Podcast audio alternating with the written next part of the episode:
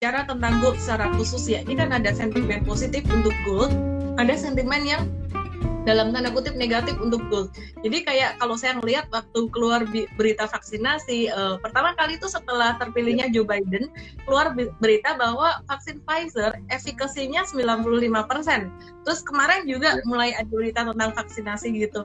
Itu yeah. uh, agak-agak ngedrag untuk gold turun terus kemudian MDKA juga agak-agak turun sedikit gitu. Yeah. Nah, nanti gimana tantangannya untuk uh, saham gold secara khusus dan juga harga gold secara general kalau seandainya ini vaksinasi berjalan dengan lancar tentunya kita semua expect itu ya gitu itu yeah. gimana jadi tarik menarik upside okay. and down yeah.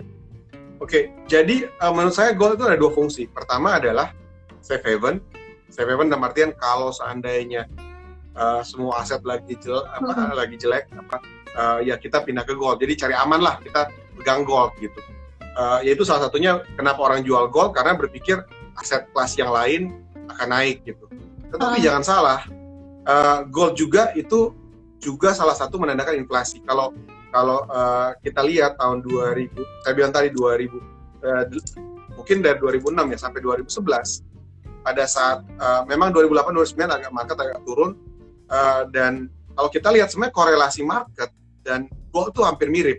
Jadi waktu 2006 sampai 2008 itu market dan gold naik, 2008 uh, market crash, gold agak turun dikit hmm. tapi memang nggak nggak sebanyak uh, market turunnya. Tapi pada saat market balik 2009 sampai 2011, goldnya malah terus mencetak all time high. All time high di 2011 waktu itu walaupun sekarang udah di break ya di 2020 kemarin. Nah, uh, kalau kita lihat selama 2000 2011 sampai 2021 itu kan 10 tahun ya. Sedangkan inflasi paling nggak US market aja ada 1 sampai dengan 2 persen setahun. Kita bicara kali 10 aja itu 20 persen. Waktu itu all time high gold ada di 1900 berarti sebenarnya menurut kita kalau misalkan dia mencapai all time high lagi uh, dengan uh, uh, inflasi yang sama ya rata-rata satu setengah sampai dua persen per setahun globally berarti 1900 lagi. Jadi sebenarnya uh, bigger trennya uh, tren yang jangka panjangnya itu gold masih akan naik menurut saya jadi uh, kalau sana ada berita-berita soal vaksin nah itu saya pikir cuma lebih ke noise memang akan ada koreksi tetapi in the end menurut saya karena saya yakin US dollar akan melemah uh, dan gold uh, akan naik. Jadi uh, kita bicara dua tahun ke depan, mudah-mudahan sih uh, prediksi saya benar ya. Oke, okay, jadi uh, masih ada upside sekitaran 23% ya dari saat ini ya. Terus tadi kalau uh, oil, aku pakai US oil nih.